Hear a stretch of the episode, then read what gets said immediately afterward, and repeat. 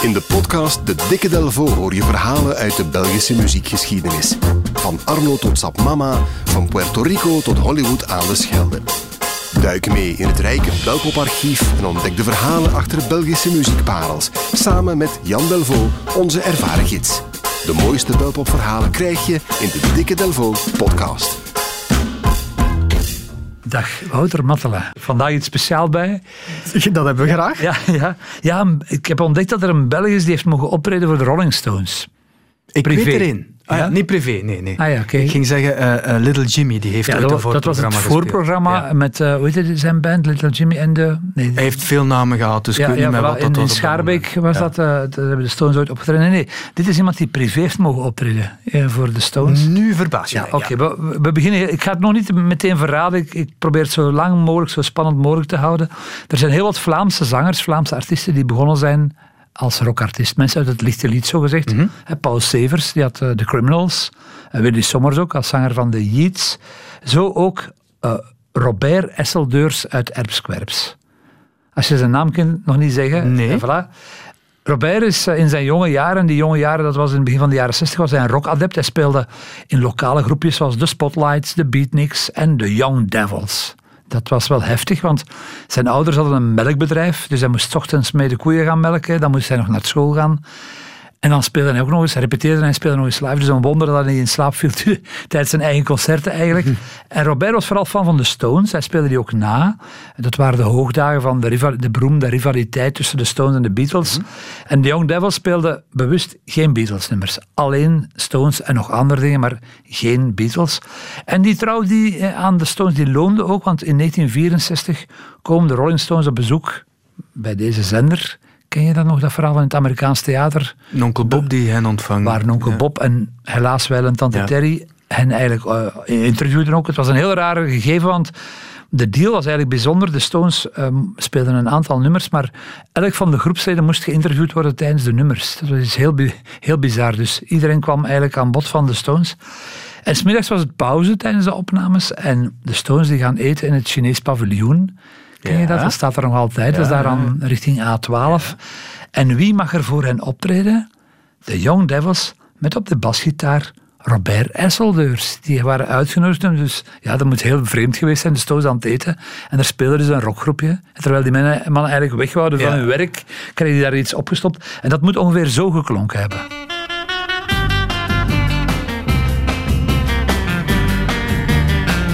Try your hands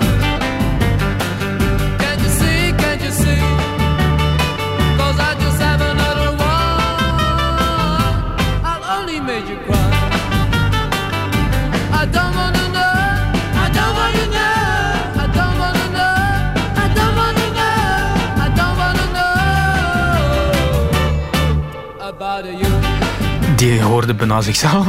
Ja, ja, de Belgische Stones. Ja, ja. Ik heb gezocht of dat spoor heeft achtergelaten in het uiver van de Stones, maar ik heb eigenlijk niks kun- kunnen vinden. En eh, Robert Esseldeurs zegt eh, dat hij na het optreden een schouderklop heeft gekregen van bassist Bill Wyman, was zijn collega bij de Stones. eigenlijk. Die zou gezegd hebben, good man, good man, goed gedaan eigenlijk. En hij zegt ook, dat klopje is mij altijd bijgebleven. Fantastisch toch, hè? Nu, Robert Esseldeurs is enkele jaren later dan een eigen carrière, een solo carrière, eh, opgestart. Eh, waarin hij niet veel meer aan rock and roll heeft gedaan, behalve op uitzondering van één nummer. Dat wil ik jou niet onthouden.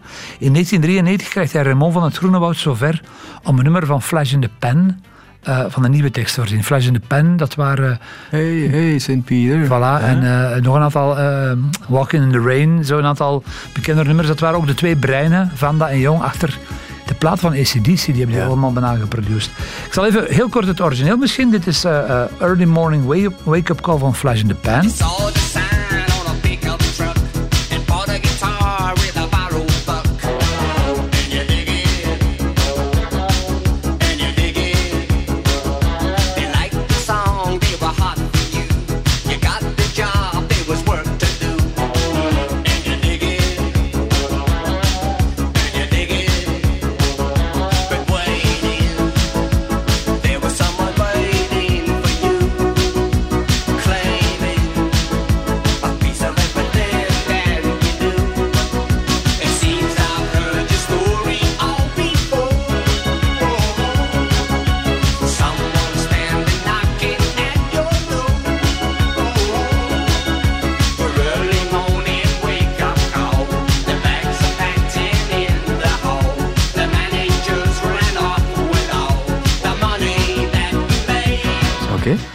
Dit is wat Robert ervan maakt.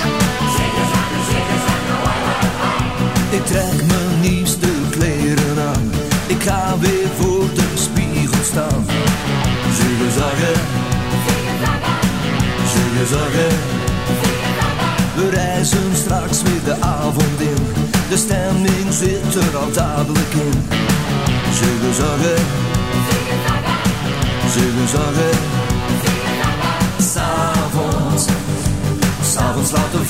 De dansen tot ik niet meer dansen kan. Laat mijn zorgen thuis tot morgen vroeg. Ik krijg van deze nachten nooit genoeg.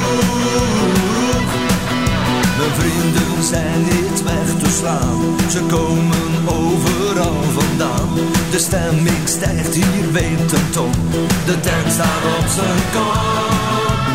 Ambiance, Jan. Ja, ja, ja, ja, ja. dus op tekst van Raymond Groenwoud. Voor, dus ik zal nu maar even verklappen, ook van voor wie zich nog altijd de hersens aan het pijnig is. Robert Esseldeurt is Danny Fabri. Dus Danny Fabri, de man van Connie en de zoon van Danny Junior, de beroemde pornoster, die heeft voor de Rolling Stones gespeeld. Wie kan dat zeggen? Want Dat is toch wel onwaarschijnlijk. Voilà. De wonderen zijn de wereld nog niet uit, Wouter. Ik ga terug naar, want het is wel een tof plaatje van de Young Devils. Dat is een, eh, het staat ook op een van die Belgian Vaults verzamelaars. Eh, nogmaals, de Young Devils, zoals ze moeten gespeeld hebben voor de Stones met het nummer I Don't Wanna Know.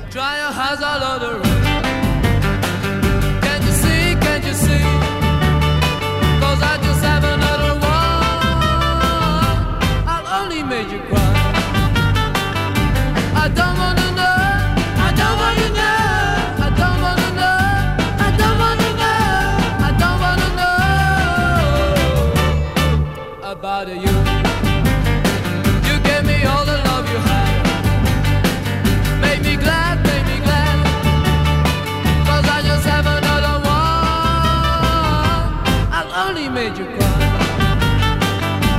I don't wanna know,